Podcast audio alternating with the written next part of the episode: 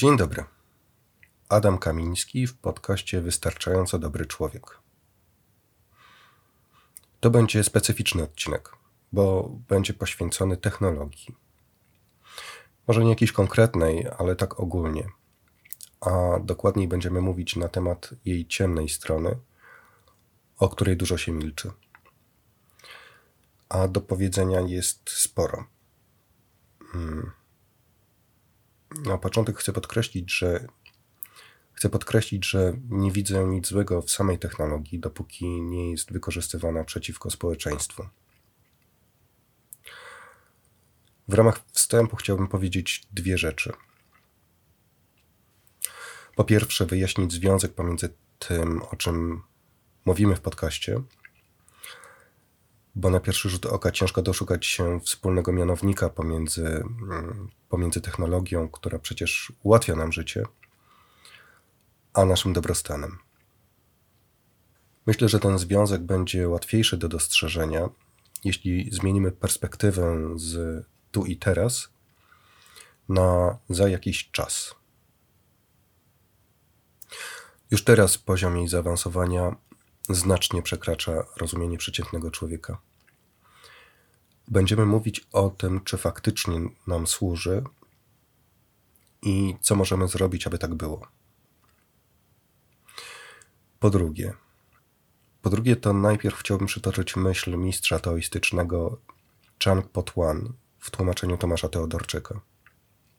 Patrz poprzez rzeczy tego świata. Jeśli tego nie potrafisz, utoniesz w oceanie cierpienia. Jak się z niego wydostaniesz? To trochę tak ku przestradze. Bo to chyba nie będzie lekki odcinek. W zeszłym roku poświęciłem nieco czasu na to, żeby zdobyć wiedzy na temat nieetycznego, mm, nieetycznego wykorzystywania technologii przez korporacje, które udostępniają nam tak zwane darmowe usługi. A postanowiłem przybliżyć ten temat w nadziei, że zapali nam światło ostrzegawcze. No i oczywiście zachęcam całym sobą, aby patrzeć poprzez rzeczy, bo włos na głowie może się zjeżyć. Naszym gościem jest dzisiaj Miłosz. Miłosz jest programistą i entuzjastą wolnego oprogramowania. Jest specjalistą w dziedzinie systemów informatycznych. Wśród zainteresowań znajduje się radiokomunikacja i rozwiązania dotyczące zbierania i wizualizacji danych geograficznych. Miłosz posiada rzetelną wiedzę na temat technologii internetowych, no i jak sam zaznaczył, stara się być człowiekiem wystarczająco dobrze poinformowanym. Serdecznie Was zapraszam do nietechnicznej rozmowy na temat technologii.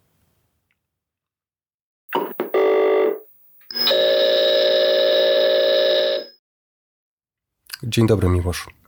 Cieszę się, że mamy możliwość porozmawiania na temat technologii i dziękuję, że zgodziłeś się na tę rozmowę. To może zacznę takim pytaniem z grubej rury. Jeden z możliwych podziałów internetu, mm, jaki możemy wytyczyć, to podział na ten korporacyjny i na całą resztę. Mówiąc korporacyjny, mam na myśli ten wspierający biznes. A tu e, bardzo specyficzna grupa i zasługująca na szczególną uwagę to serwisy i portale społecznościowe.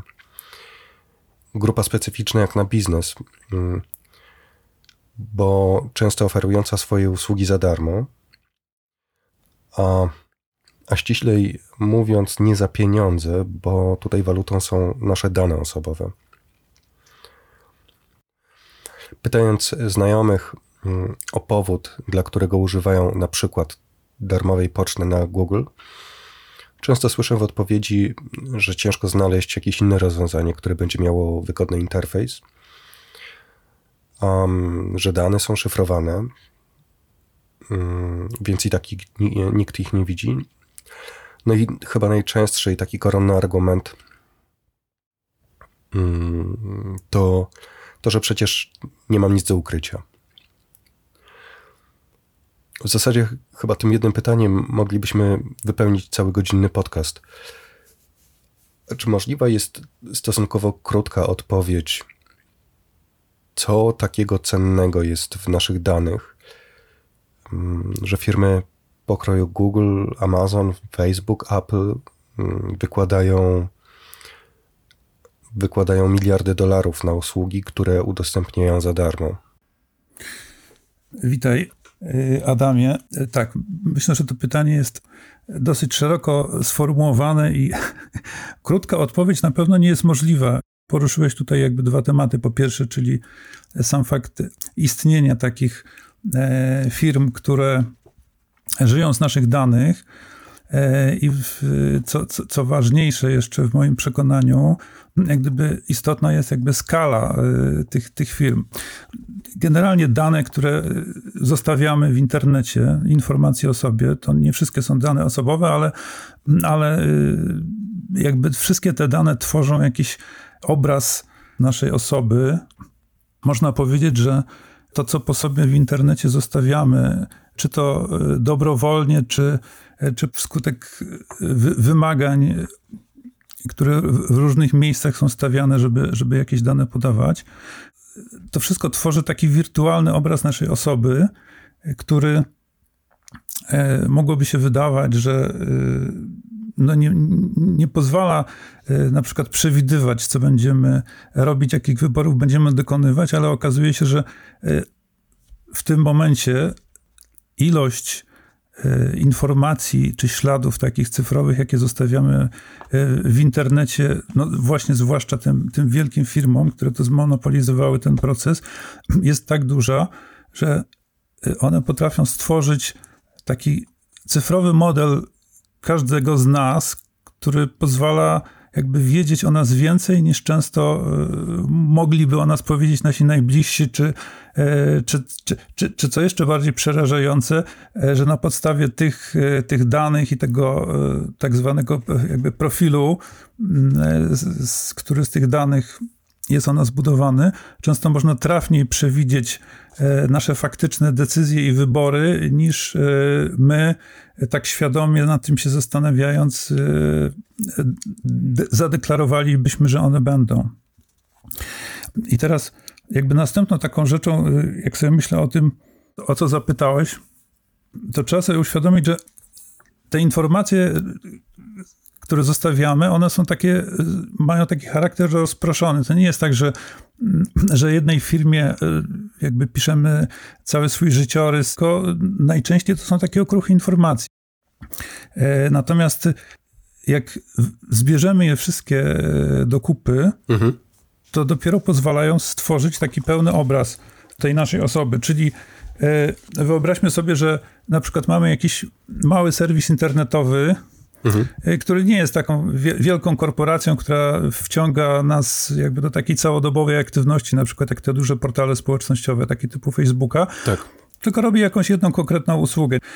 Oni tak naprawdę poza naszym loginem, y, hasłem i jakimiś takimi danymi typu lokalizacja, no tak naprawdę jedyne, co, co mogą od nas zebrać, no to jest fakt, że jakby w ogóle interesujemy się tym tematem, skoro to jest jakiś profil konkretny tej strony.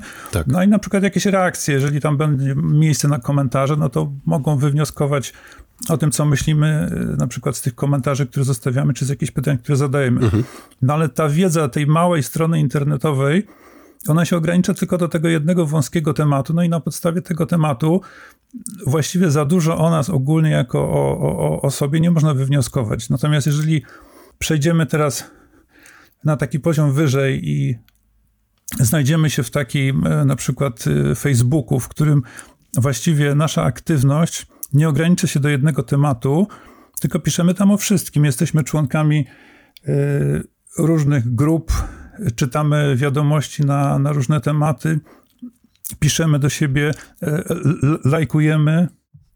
Z drugiej strony jest wiele E, jakby usług, w których zostawiamy takie e, ślady, które mm, nie dotyczą naszego zainteresowania w sieci, ale na przykład informujemy e, sieć społecznościową, czym się zajmujemy poza siecią, czyli na przykład wszystkie narzędzia dotyczące na przykład jakichś spotkań Mhm, czy eventów, na które się zapisujemy, Tak, no to tak. są jakby informacje, gdzie sam fakt zapisania się czy zainteresowania jakimś, e, jakimś eventem już jakby mówi o nas bardzo dużo. To mogą być przecież informacje mm, takie, które są bardzo wrażliwe, dotyczące zainteresowań politycznych czy jakichś preferencji różnego rodzaju.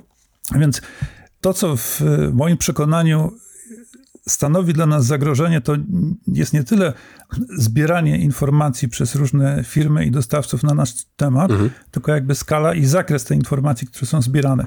Jeżeli doszliśmy do takiego momentu, że pojedynczej firmie w różny sposób przekazujemy jakby więcej informacji niż na przykład naszym najbliższym, z którymi y, mieszkamy, żyjemy, no to, to, to według mnie już zaczyna być coś nie tak z y, całym modelem y, funkcjonowania y, internetu i, i zarabiania na tym. No tak, ale to wiesz co, mm, bo to wszystko, co mówisz, oczywiście ma ręce i nogi. Natomiast na czym polega to zarabianie na naszych danych? Wiesz, bo, bo to jest tak, że jeden taki sposób, który mi przychodzi do głowy, to to, że te duże korporacje właśnie pokroju Google, a Amazona znają nas dobrze i są w stanie nam trafniej podrzucić jakieś reklamy. A czy jest jeszcze jakiś inny sposób na to, żeby zarabiali na naszych danych? Wydaje mi się, że tutaj trzeba by było jakby dwie, dwie y, takie ścieżki wykorzystania tych danych y, wydzielić. Mhm. Czyli jedna, jedna ścieżka to jest przetwarzanie tych danych taki sposób, że jesteśmy niejako takim produktem pośrednim, Mhm. który potem można sprzedać komuś, czyli przez to, że taki duży portal społecznościowy, zarówno wewnątrz swojej platformy, jak i na zewnątrz, bo trzeba pamiętać o tym, że na przykład taki Facebook nie tylko zbiera informacje na podstawie tego, co tam piszemy w środku, w portalu, ale poprzez wtyczki na przykład na stronach internetowych, Oczywiście. on wie y, znacznie szerzej y, na wiele tematów, y, których nawet nie poruszamy wewnątrz portalu. Czyli krótko mówiąc, mając taki duży zakres informacji, on może z tą informacją zrobić dwie rzeczy. Zbudować jakiś profil osobowy, który nas zakwalifikuje na przykład jako potencjalnych klientów takiej czy takiej usługi.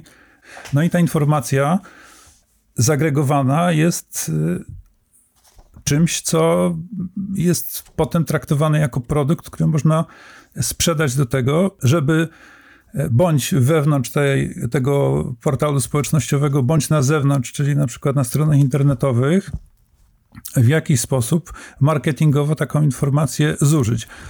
No i mamy, dlaczego mówiłem o dwóch jakby ścieżkach, bo jedna ścieżka to jest taka, że mogą funkcjonować takie biznesy internetowe, które zajmują się tylko sprzedawaniem tych danych, traktują nas jako produkt, jako wsad e, do stworzenia swojego produktu, a tym ich produktem jest profil reklamowy, który sprzedają dalej i właściwie nie interesuje ich, co się z tym stanie.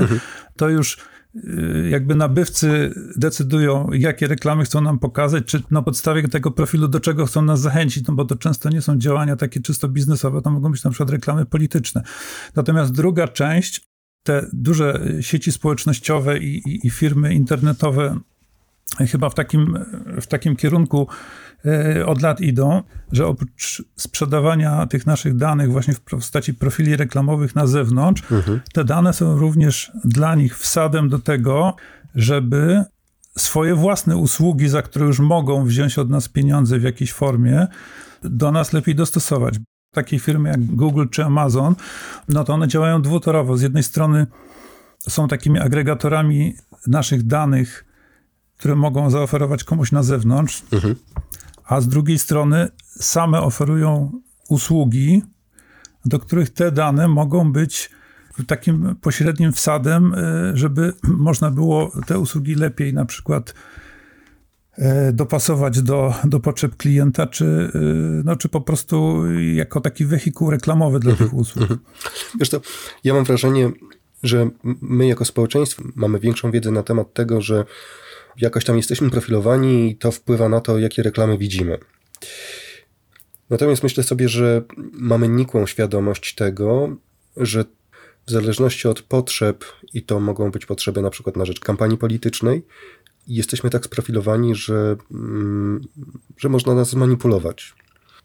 Tu chyba takim jaskrawym przykładem jest wygrana Donalda Trumpa, w której to wygranej pomogła brytyjska firma Cambridge Analytica, która właśnie wzięła dane od Facebooka do odpowiedniej grupy społecznej została skierowana jakaś seria reklam. To chyba jest taki jaskrawy przykład i o tym tak jakoś właśnie się za specjalnie nie mówi. A, a wydaje mi się, że to jest dużo groźniejsze niż to, że jakiś Facebook będzie sobie zarabiał na reklamach na nas.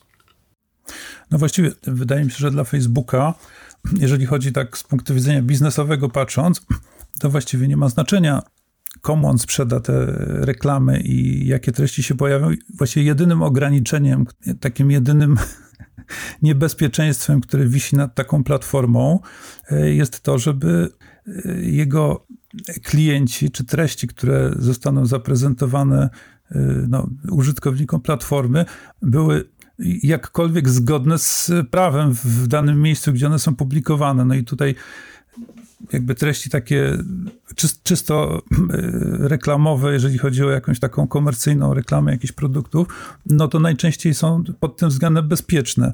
E, natomiast takie treści polityczne, no to już się zaczynają kontrowersje i tu już jakby mogą ostro wkroczyć y, organy, y, które dostrzegają ten problem, że takie treści mogą y, manipulować ludźmi, no i w jaki sposób to, jedynie to ogranicza portale przed tym, żeby, żeby bezkarnie na przykład takie informacje sprzedawać. Natomiast poruszyłeś ważny, ważną sprawę, że sam fakt y, serwowania nam jakiejś reklamy nie jest jeszcze jakimś problemem, czy nie byłby problemem, gdyby na przykład ta reklama do każdego y, trafiała y, dokładnie o takiej samej treści. No tak jak klasyczna reklama w radiu czy w telewizji tak. jest nadawana, każdy dokładnie to samo słyszy czy widzi i każdy może mieć jakiś inny stosunek, inną reakcję na tą reklamę, ale nadawca tej reklamy nigdy nie będzie miał takiej szansy, żeby ta reklama była dopasowana do wszystkich. Oczywiście. Natomiast ten, przypa- natomiast ten przypadek Cambridge Analytica i y, tak zwanego,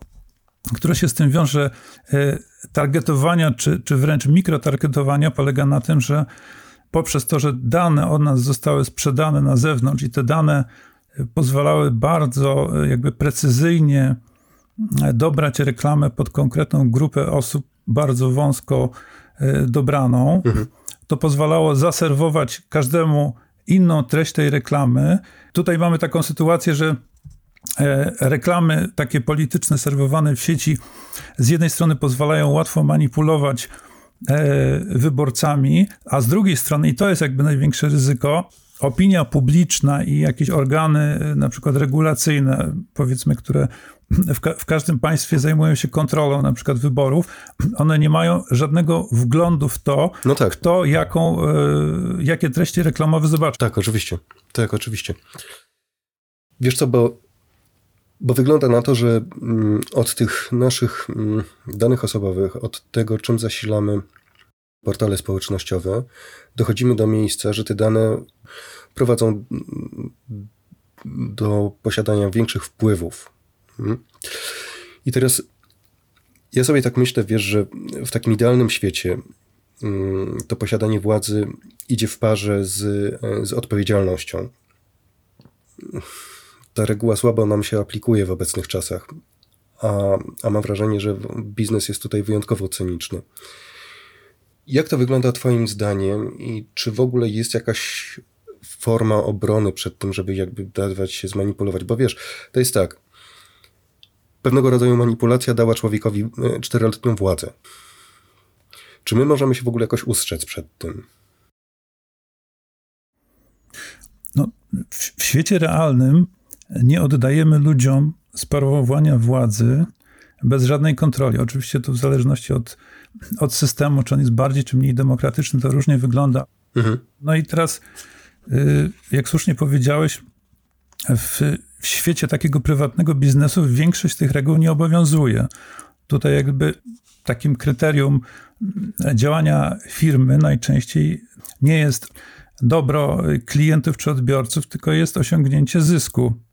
I dopóki dla osiągnięcia tego zysku no, poruszają się w jakichś granicach prawa, mhm. no to bardzo często w celu maksymalizacji zysku próbują te, przesuwać te granice i testować, na ile sobie mogą pozwolić. Tak. W przypadku e, tych, tych wielkich korporacji internetowych, to testowanie granic y, no, już właściwie przyjmuje taką tak skrajną formę, że te mechanizmy takiej demokratycznej kontroli i z jednej strony, a z drugiej strony szybkość reakcji odpowiednich instytucji regulacyjnych, ona praktycznie za tym nie nadąża, mhm. bo tu mamy jeszcze dodatkowo jeden problem, że właściwie co roku y, powstają jakieś nowe możliwości y, monetyzacji jakichś usług, mhm. jakieś nowe mhm. pomysły, jak y, ludziom sprzedawać pewne rzeczy, i one nie zawsze są tak wprost niezgodne z aktualnym prawem, natomiast no, powodują ileś problemów, które dopiero post factum na przykład się okazuje, że, e, że trzeba w nie zaingerować odgórnie, e, żeby nie powodowały jakiejś niesprawiedliwości. Na przykład właśnie e, pozycja monopolistyczna firm, które mają taki wielki dostęp do naszych danych, już można powiedzieć, przekracza, co na przykład my jesteśmy zobowiązani do przekazywania o nas, na przykład naszym rządom.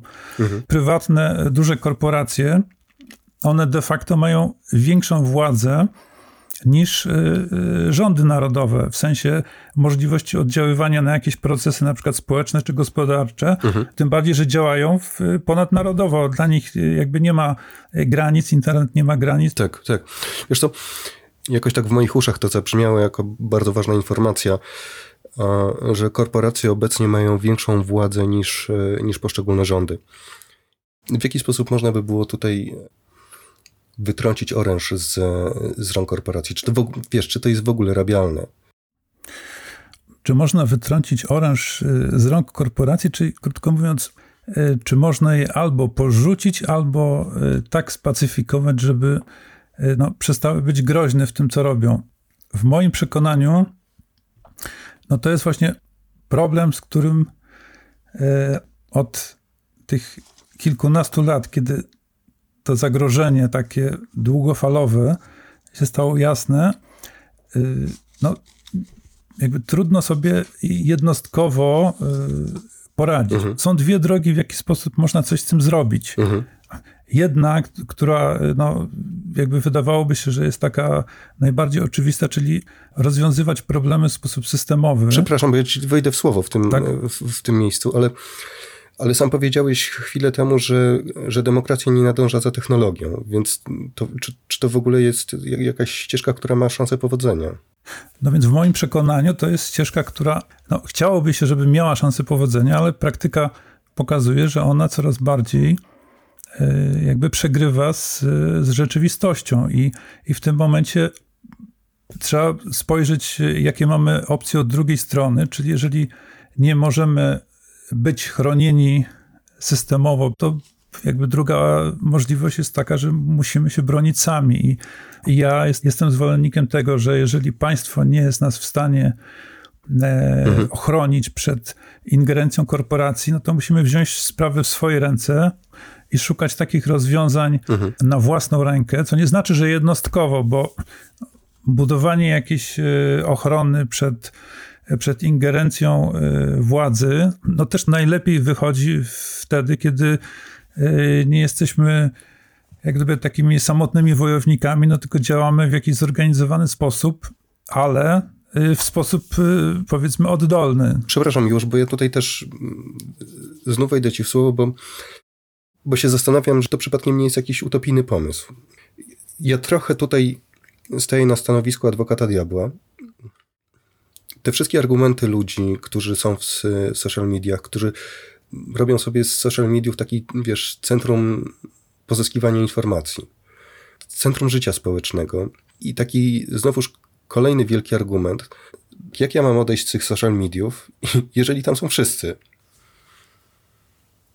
No na pewno z, jakby z punktu widzenia człowieka, który zostałby postawiony przed takim przed taką alternatywą, że albo zostajesz tutaj ze wszystkimi swoimi znajomymi, ze wszystkimi jakimiś zainteresowaniami, no ale będą o tobie zbierać te informacje, będą tam to sprzedawać, będą, będą ci serwować reklamy, albo możesz po prostu żyć w świecie bez tych reklam, gdzie wszystko kontrolujesz, no ale się na przykład okaże, że, że zostaniesz sam, przynajmniej przez jakiś czas. No to jest strasznie trudna decyzja i oczywiście ja nikomu takiej drogi nie proponuję.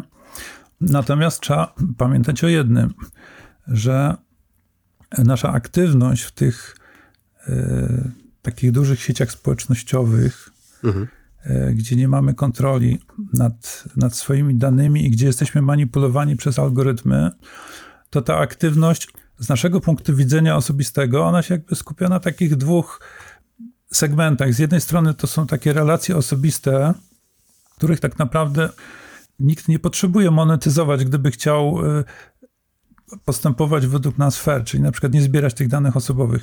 A druga część to są relacje takie biznesowe, czyli krótko mówiąc szukamy na przykład jakichś produktów czy usług i ten Facebook się na przykład stał taką alternatywą. Tak. Tam szukamy reklam, tam firmy się reklamują, próbują nam coś sprzedać.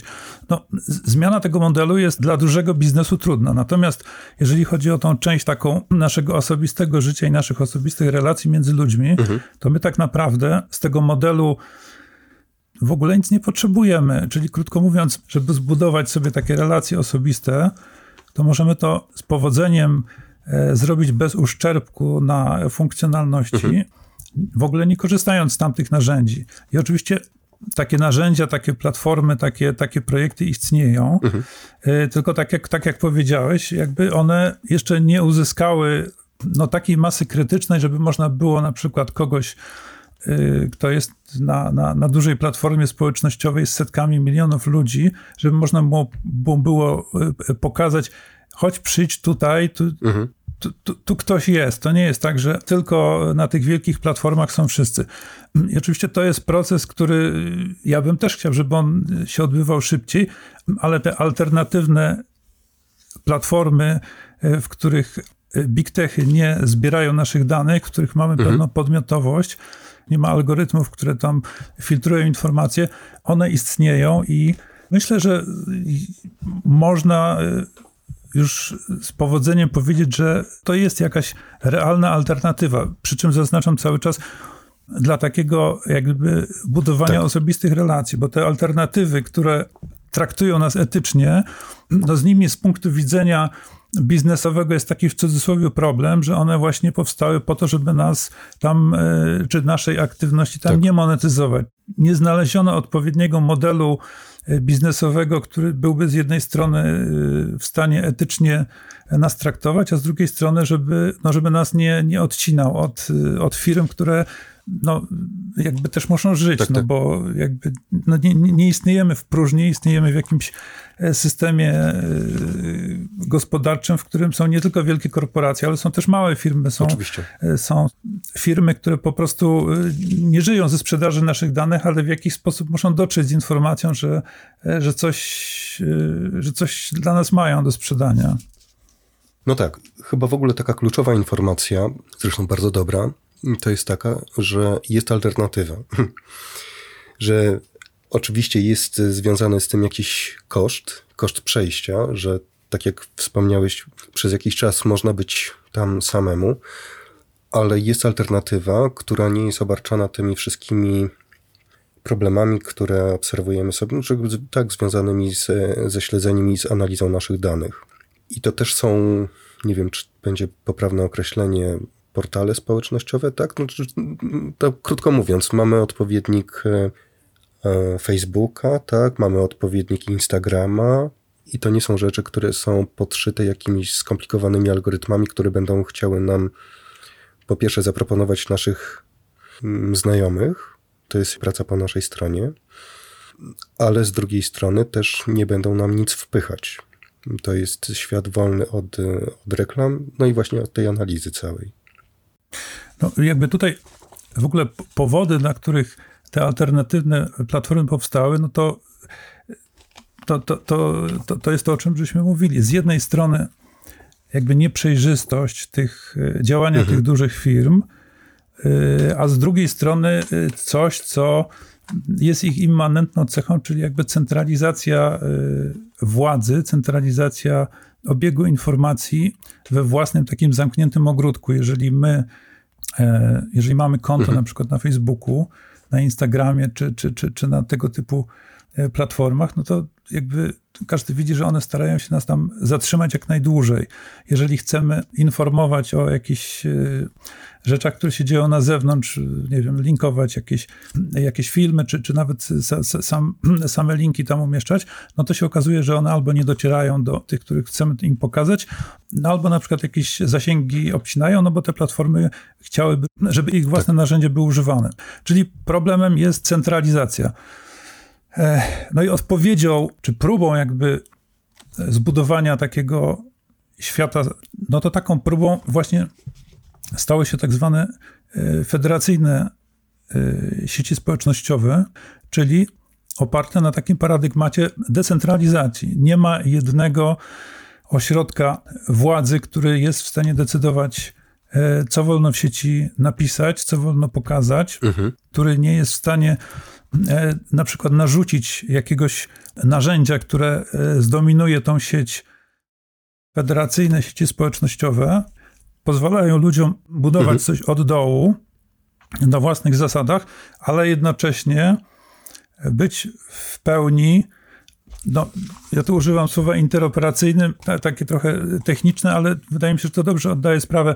Czyli z jednej strony nie tracić możliwości wymiany informacji z innymi, mhm. ale w taki sposób, żebyśmy jakby nie musieli opuszczać tego naszego lokalnego środowiska. Czyli tak pozostając przy tym przykładzie, my na Facebooku nie jesteśmy w stanie odpisać komuś na przykład, kto napisał coś na Twitterze, e, bo musielibyśmy mieć konta na Twitterze, żeby mu tam odpisać mhm. E, i vice versa. Natomiast w przypadku e, tego pomysłu federacyjnych sieci społecznościowych, mając konto na jednej platformie, możemy na przykład subskrybować jakieś informacje od ludzi, którzy są na innej platformie i to nawet nie tylko tego samego typu, czyli przekładając to na, na taki model znany z wielkich sieci, wystarczy, żebyśmy mieli konto na Facebooku, żeby można było komuś e, odpisać e, na tweeta na Twitterze albo nie wiem, mając konto na Twitterze, żeby można było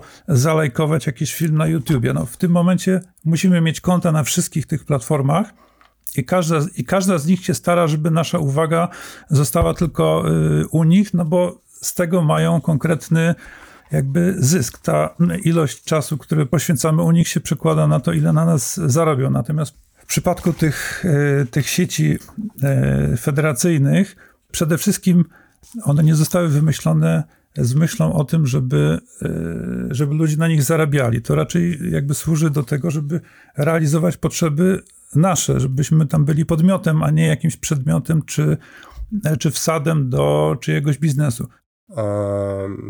To, to, to jest refleksja, ale też takie zaskoczenie, że, że jest E, oddolna inicjatywa społeczna, coś, co opisałeś właśnie, e, wiesz, dlaczego tam jeszcze nie ma ludzi, tak? Żeby to jest właśnie to pytanie.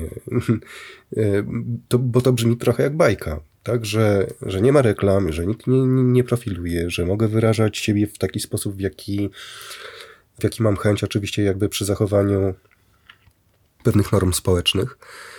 No właśnie, to, to, jakby to, to co stoi na przeszkodzie? Jakby, dlaczego tam jeszcze nie ma tak dużo ludzi, tak? Jakby, dlaczego tam nie ma tej masy krytycznej? No, jakby tutaj na pewno wpływa na to kilka e, czynników. Pierwszy jest taki, że w przypadku tych takich wielkich platform społecznościowych ta masa krytyczna to nie było na przykład milion czy setki tysięcy, no to tylko było kilkadziesiąt milionów. No tak. Jeżeli powstaje jakaś platforma i tam jeszcze nie ma nikogo, no to siłą rzeczy, nawet jeżeli ona technicznie będzie najbardziej dopracowana, czy, czy będzie tam miała jakieś feature'y, które, które będą lepsze od, od tego miejsca, gdzie, gdzie są setki milionów, to ona i tak nas nie przyciągnie, jeżeli tam y, tego, tego wsadu, takiego w cudzysłowie, nie będzie. Przejście z, centralizowanego takiego modelu na, na model zdecentralizowany wiąże się niestety z pewnymi niedogodnościami, na przykład takimi, że już na samym początku stajemy przed wyborem, jakby w, w którym miejscu na przykład założyć konto, czy które miejsce wybrać na tą taką naszą domową platformę. No tak, I... tak, tak.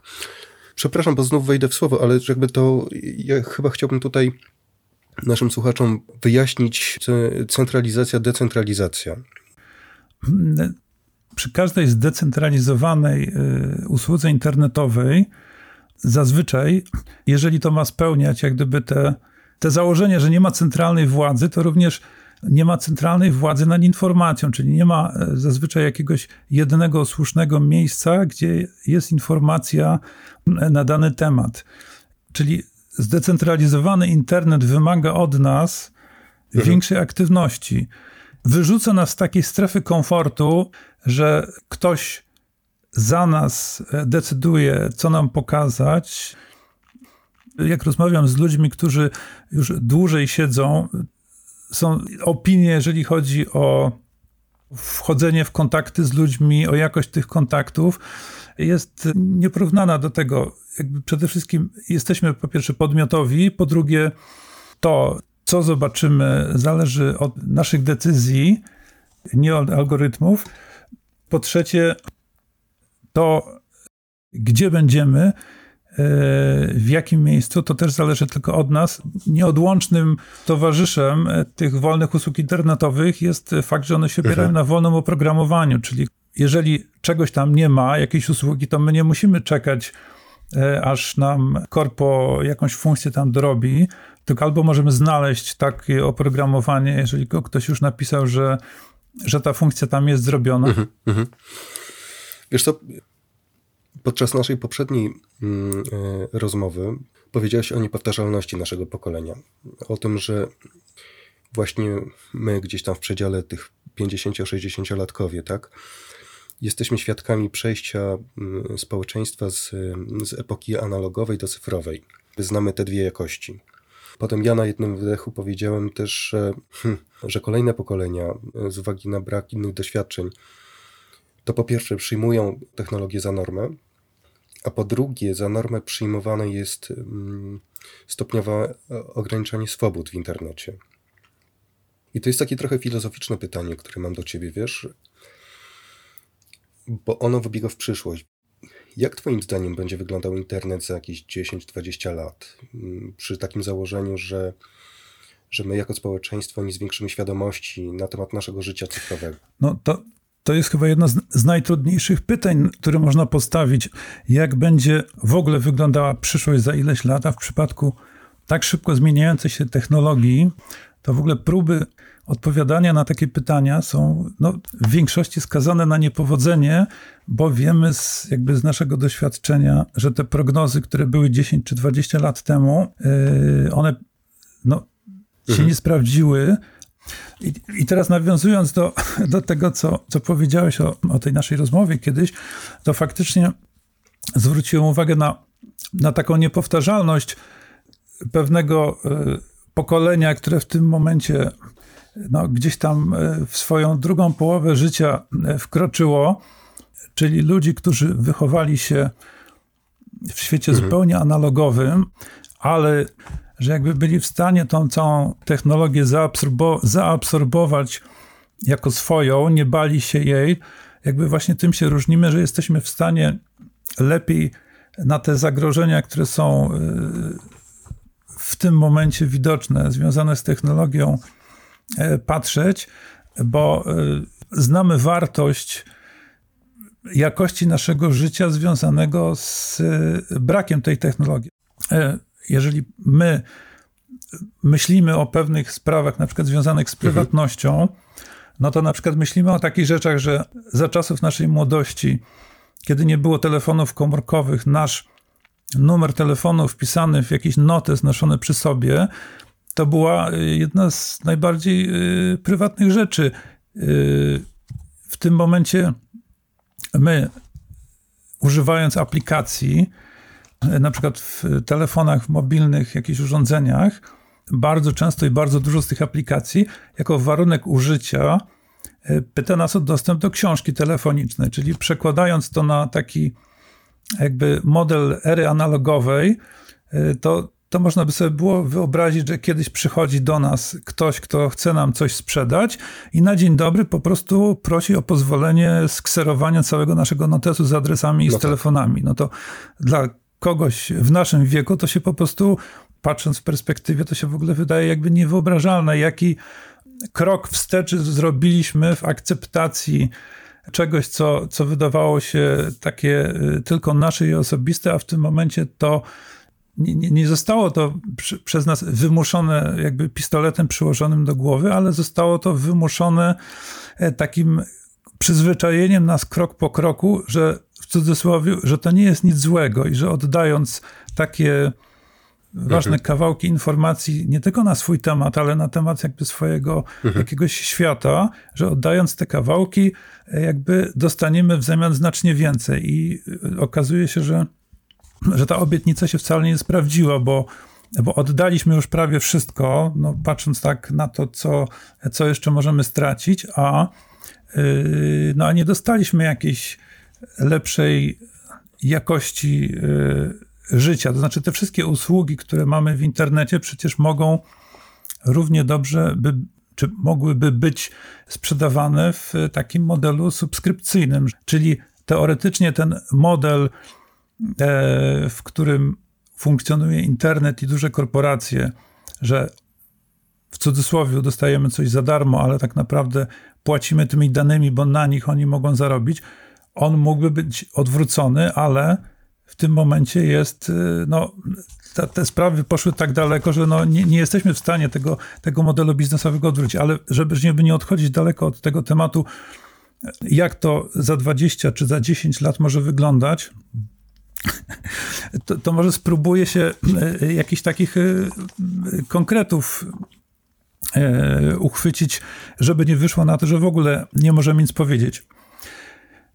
Patrząc na, dzisiejszy, na dzisiejszą szybkość postępu technologii w stosunku do tego, co na przykład było 10, 20, 50 lat temu, to widać z całą pewnością taką prawidłowość, która na, nawet została jakby sformułowana przez część takich futurologów jako tak zwane prawo przyspieszających zwrotów, czyli z jednej strony zmiany technologiczne są coraz szybsze, mhm. a z drugiej strony w momencie, kiedy na przykład wydaje się, że jakaś zmiana dochodzi do swoich granic, to następuje przeskok, ale już nie jakby w zakresie jej rozwoju takiego linearnego, tylko następują, pojawiają się jakieś nowe wynalazki, gdzie dany problem jest rozwiązywany Jasne. zupełnie inaczej.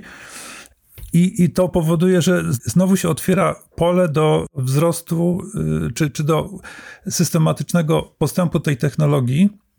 I krótko mówiąc, znajdujemy się w takim momencie, kiedy wiemy, że na pewno te zmiany będą się odbywać coraz szybciej, czyli, e, czyli może dojść do takiego momentu, który też niektórzy futurolodzy nazywają tak zwaną mhm. osobliwością, że zmiany technologiczne, zwłaszcza związane z czymś, co, co, co, co jest bardzo jakby gorącym tematem, czyli, czyli mhm. sztuczną inteligencją, że te zmiany no, dojdą do takiego momentu, że rozwój no, algorytmów sztucznej inteligencji doprowadzi do, do uzyskania maszyny czy jakiejś czy jakiegoś takiego modelu, który no, przekroczy naszą ludzką świadomość na tyle, że my jakby po pierwsze przestaniemy w ogóle rozumieć jego dalsze postępy, no on będzie się już, czy ta, ta, ten twór, ta maszyna będzie się uczył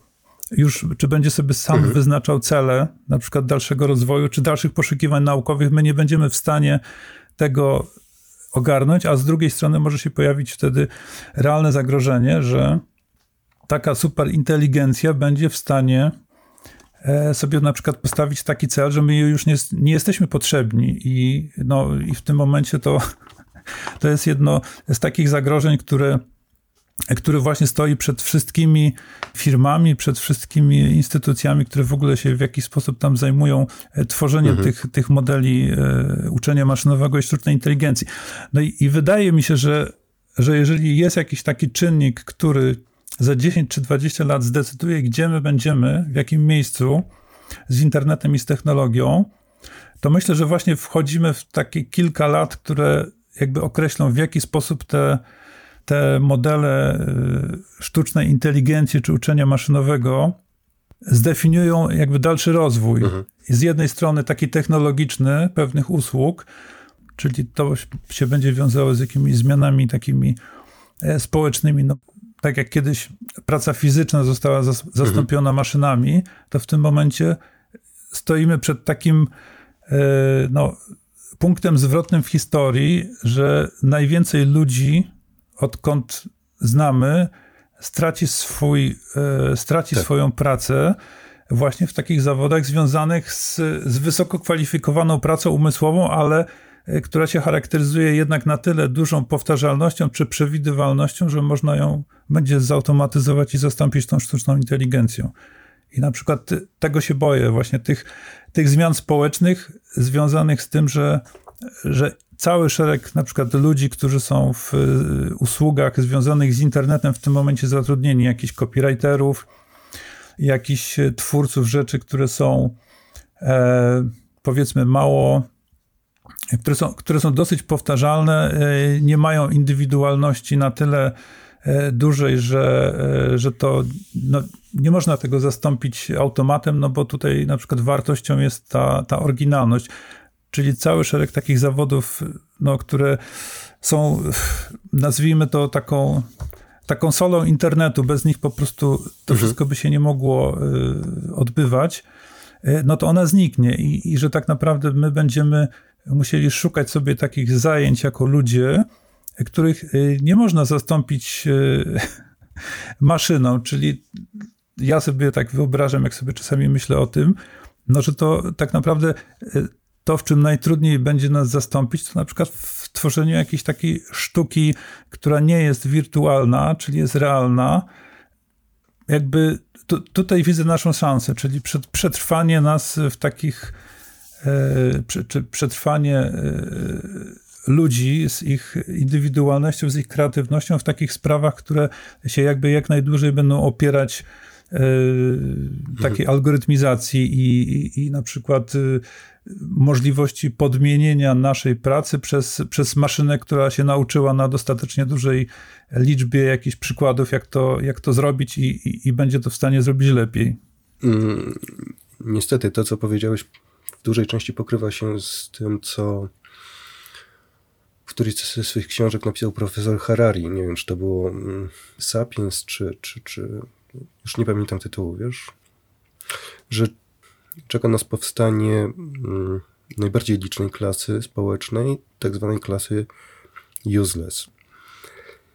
Że faktycznie technologia, mm, którą na ten moment jeszcze tworzy człowiek, za chwilę będzie na tyle zaawansowana, że wyprze nas w, w bardzo wielu zawodach. Wspomniałeś o pewnej specyfice tych zawodów. No tam Harari idzie troszeczkę dalej bo to też będą na przykład kierowcy taksówek, kierowcy autobusów, no podobno, podobno za 20 lat y, posiadanie prawa jazdy będzie, będzie czymś w rodzaju ekstrawagancji. To, wiesz, taka luźna myśl, tak jak łączę teraz fakty, jak, jak mi się sznureczki łączą. No bo jeżeli duże korporacje mm, mają tak dużą, mają tak dużą władzę, a mają ją de facto mają ją dzięki nam, tak? Bo głównie to my zasilamy ich bazy danych. E, ale właśnie wiesz, zmierzam, e, mm, zmierzam do tego, że gdyby tak spróbować właśnie przestać zasilać te systemy, to czy bylibyśmy w stanie pozbawić ich takich możliwości, tak? No bo to nie jest jakaś specjalnie mm, jakaś optymistyczna wersja zdarzeń, wiesz. Ta, ta, ta, ta przyszłość, którą żeś naszkicował. Znaczy ja rozumiem, że ty nawiązujesz do, do następnego tematu, który w sumie mógłby być częścią też tej odpowiedzi, jaki będzie w ogóle świat technologii internetu za 10 czy 20 lat, czyli czy ta obecna skala i zakres, mówiąc ogólnie, y, inwigilacji, jaką jesteśmy poddawani zarówno w świecie cyfrowym, jak i w świecie takim realnym, czy my będziemy w stanie się przed tym obronić, czy to się tylko powiększy. No i ja niestety tu jestem w tym zakresie pesymistą. O to dziękuję. No nie ma za co, ale myślę, że jakby tutaj mamy takie jakby dwa grube mm, powody do tego pesymizmu.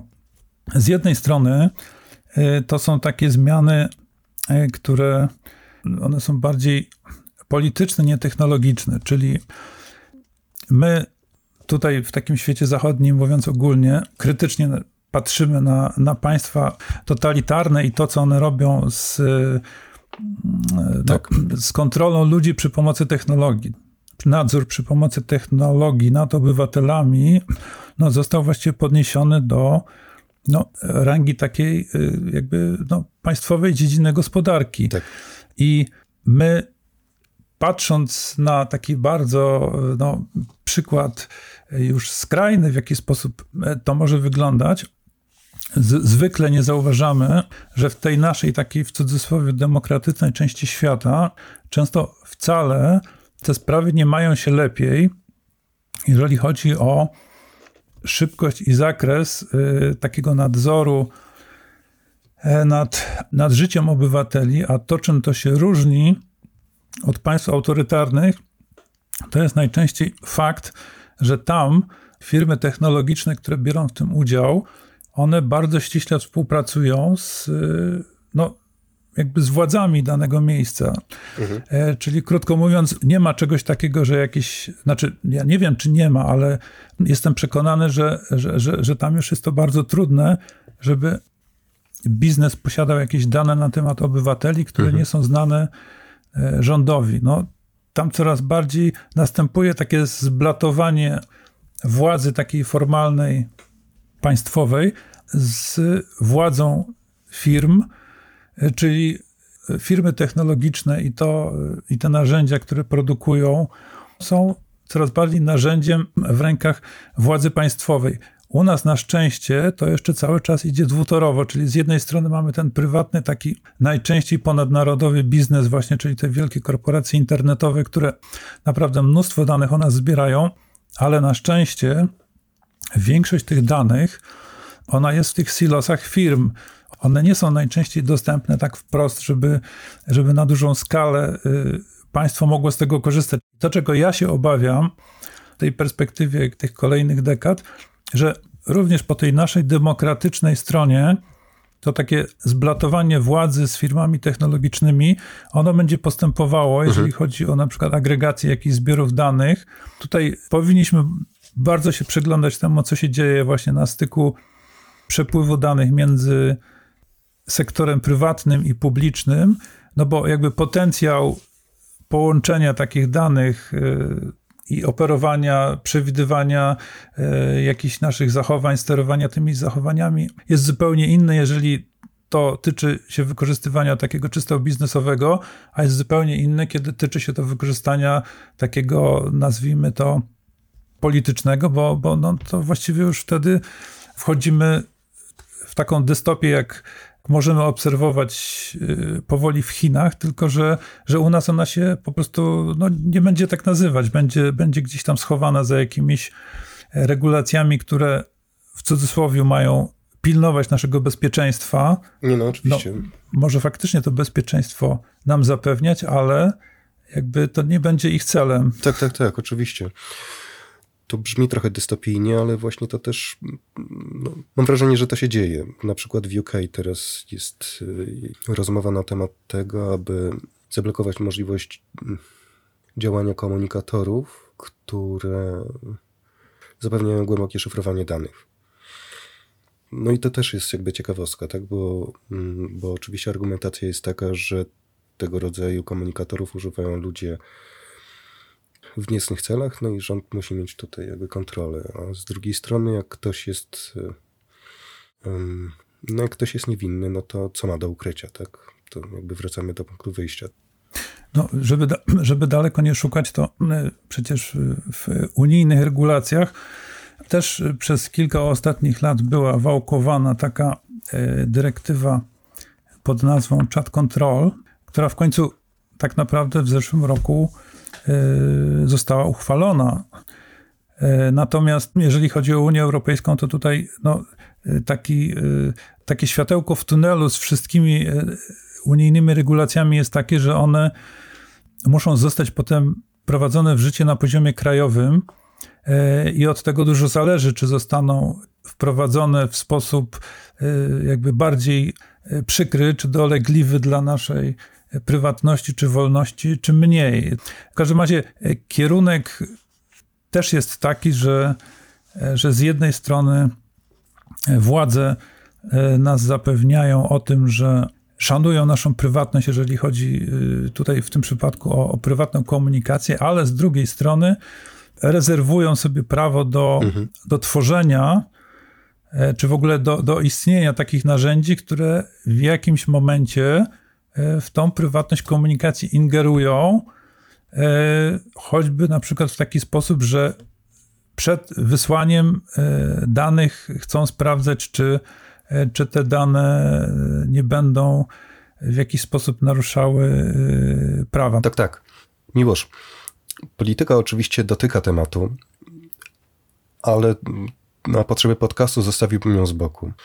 Chciałbym wrócić do tego, co my, społeczeństwo, możemy zrobić, jakim możemy obrać kierunek, aby choćby częściowo wyrwać internet z rąk wielkich korporacji technologicznych.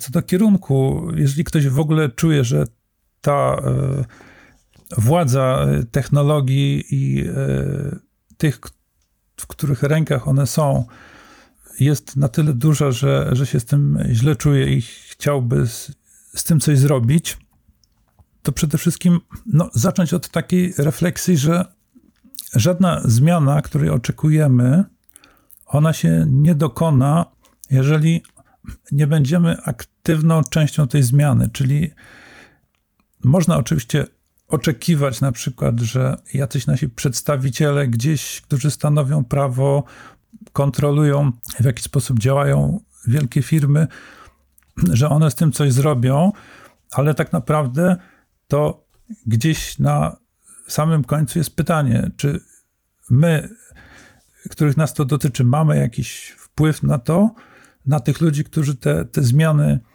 wykonują, czy nie? No bo jeżeli przyjmiemy taką teorię, powiedzmy bardziej, no nie, nie, nie wiem, czy można to nazwać spiskową, że my tak naprawdę i tak nie mamy na nic wpływu, czy kogoś wybierzemy, czy nie wybierzemy, czy cokolwiek zrobimy, to i tak świat i, jego mechanizmy e, się toczą jakimiś drogami, na które nie mamy wpływu. No to jeżeli takie przyjmiemy podejście, to oczywiście tutaj nie będziemy żadnego działania e, od siebie oczekiwać, żeby, żeby coś się zadziało. Natomiast jeżeli mamy takie przekonanie, że, że cokolwiek się dzieje na świecie, to w jakimś przynajmniej nikłym procencie się dzieje, dlatego że każdy z ludzi, którzy tym zmianom podlegają, może na nie jakoś wpływać. To jeżeli przyjmiemy taki, jakby taki sposób widzenia świata, no to moim zdaniem powinniśmy za każdym razem spróbować spojrzeć na to tak, że,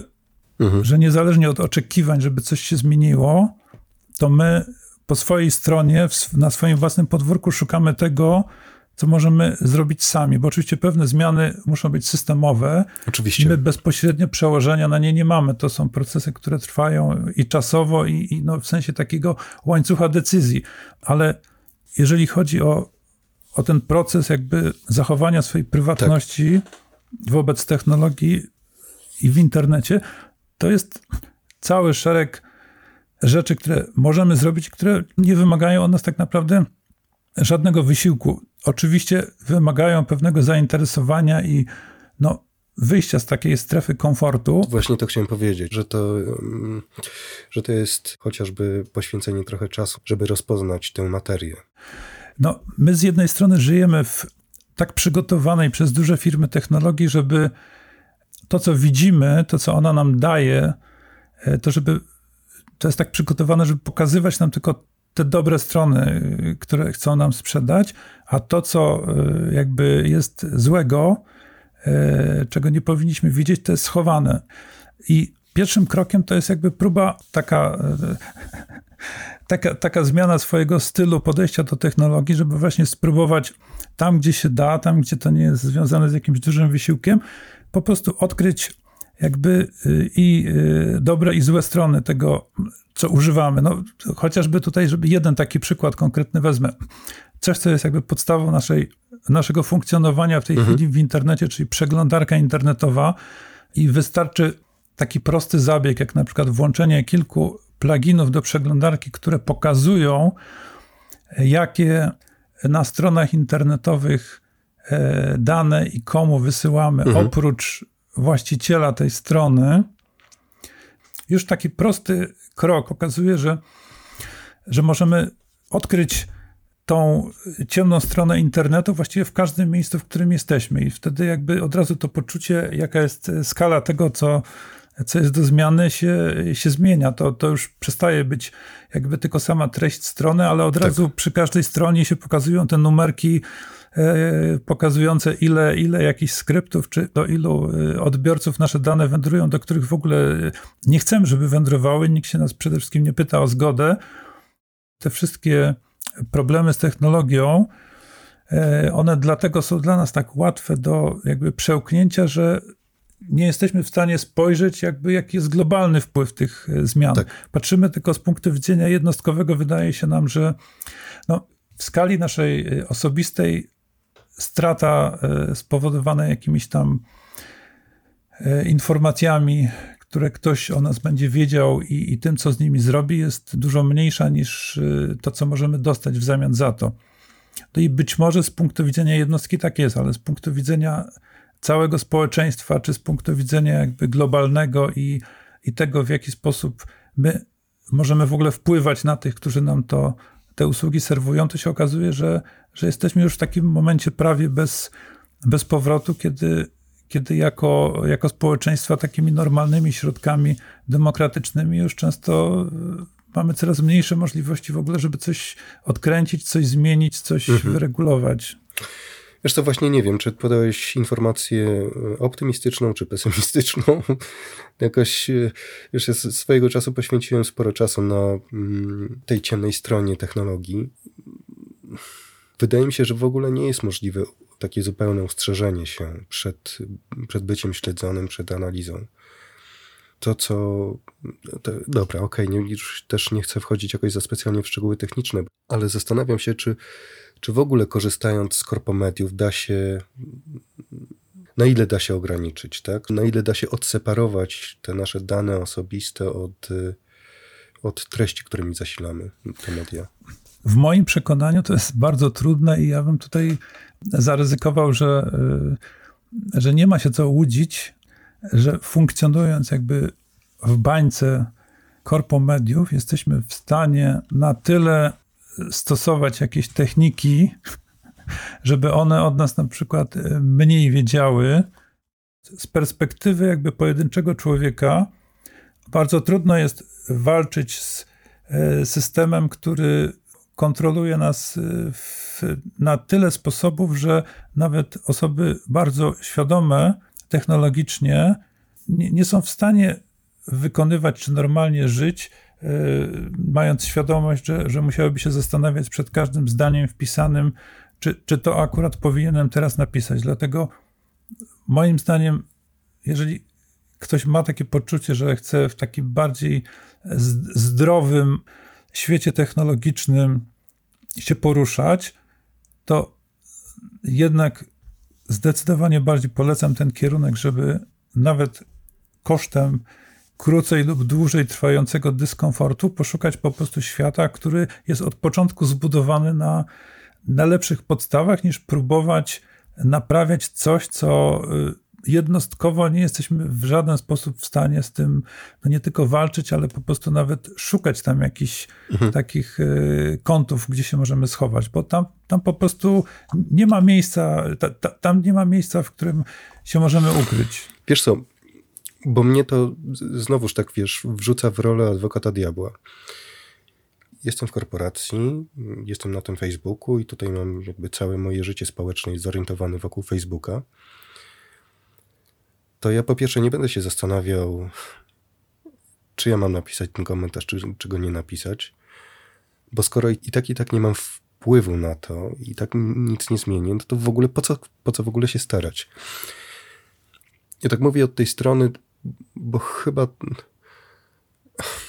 bo chyba chciałbym usłyszeć coś optymistycznego od ciebie, wiesz, bo mam wrażenie, że jakby to tak e, zwiedzamy jakieś niefajne rejony. No to jeżeli, dobra, to myślę, że taką optymistyczną motywację do tego, żeby jednak po pierwsze coś zmienić, e, a po drugie, e, dlaczego ona miałaby sens, ta zmiana, mhm.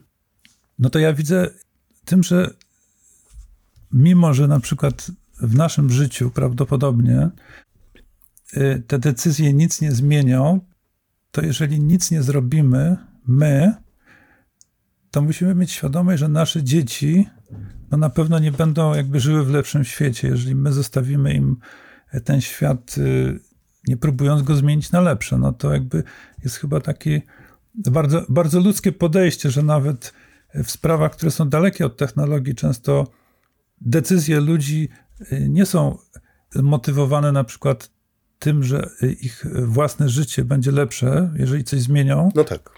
Ale dla, dla ludzi, którzy są dla nich ważni, dla właśnie no, dla następnego pokolenia, że zostawimy im po prostu e, taki świat, jaki byśmy mhm. chcieli, a... No tak, no tak, to ma, to, to, znaczy to zawsze ma sens. Zbiegając do brzegu, i też tak trochę podsumowując to, co żeśmy powiedzieli, to tak. Social media, niezłe bagienko, jest alternatywa, ale alternatywna wersja jest y, obarczona no po pierwsze wyjściem ze strefy komfortu i natomiast y, z bonusów to co mamy wolność, tak? No pytanie, czy, czy pokolenie, które już jakby od e, kołyski żyje z telefonem komórkowym przy, przy oku czy przy uchu, to w ogóle potrzebuje tej wolności? To, to jest dobre pytanie. Bo okay. no dla mnie, który pamięta, jak to jest po prostu nie być w sieci, no to jest jakaś perspektywa, jeżeli da się to zrobić, nie tracąc e, tej możliwości jakiegoś życia takiego sprawnego, bez wiszenia na internecie, ale nie wiem, czy to po prostu to byś musiał zapytać kogoś, kto, kto ma odpowiednio ileś lat mniej, czy to w ogóle jest dla niego jakiś jakkolwiek y, atrakcyjna alternatywa, na przykład y, zmniejszenie y, aktywności sieciowej tylko do, do takiej do takiej wartości, której no, wymaga na przykład to, że właśnie jakieś rzeczy już można tylko przez internet załatwić. No tak, no tak. E, że, że nie można tego zrobić wygodnie inaczej, ale przecież jakby, e, mimo że ostatnie kilka lat nas wyjątkowo przekonało e, o tym, że ile rzeczy się da zrobić zdalnie, jeżeli po prostu nie możemy się osobiście spotykać, no to, to mimo wszystko chyba to nie jest ten kierunek, który, który bym proponował. Wiesz co, ja chyba w tym miejscu hamowałbym. Bardzo Ci dziękuję za rozmowę mm, i za poświęcony czas. Ja, ja również Ci dziękuję za rozmowę.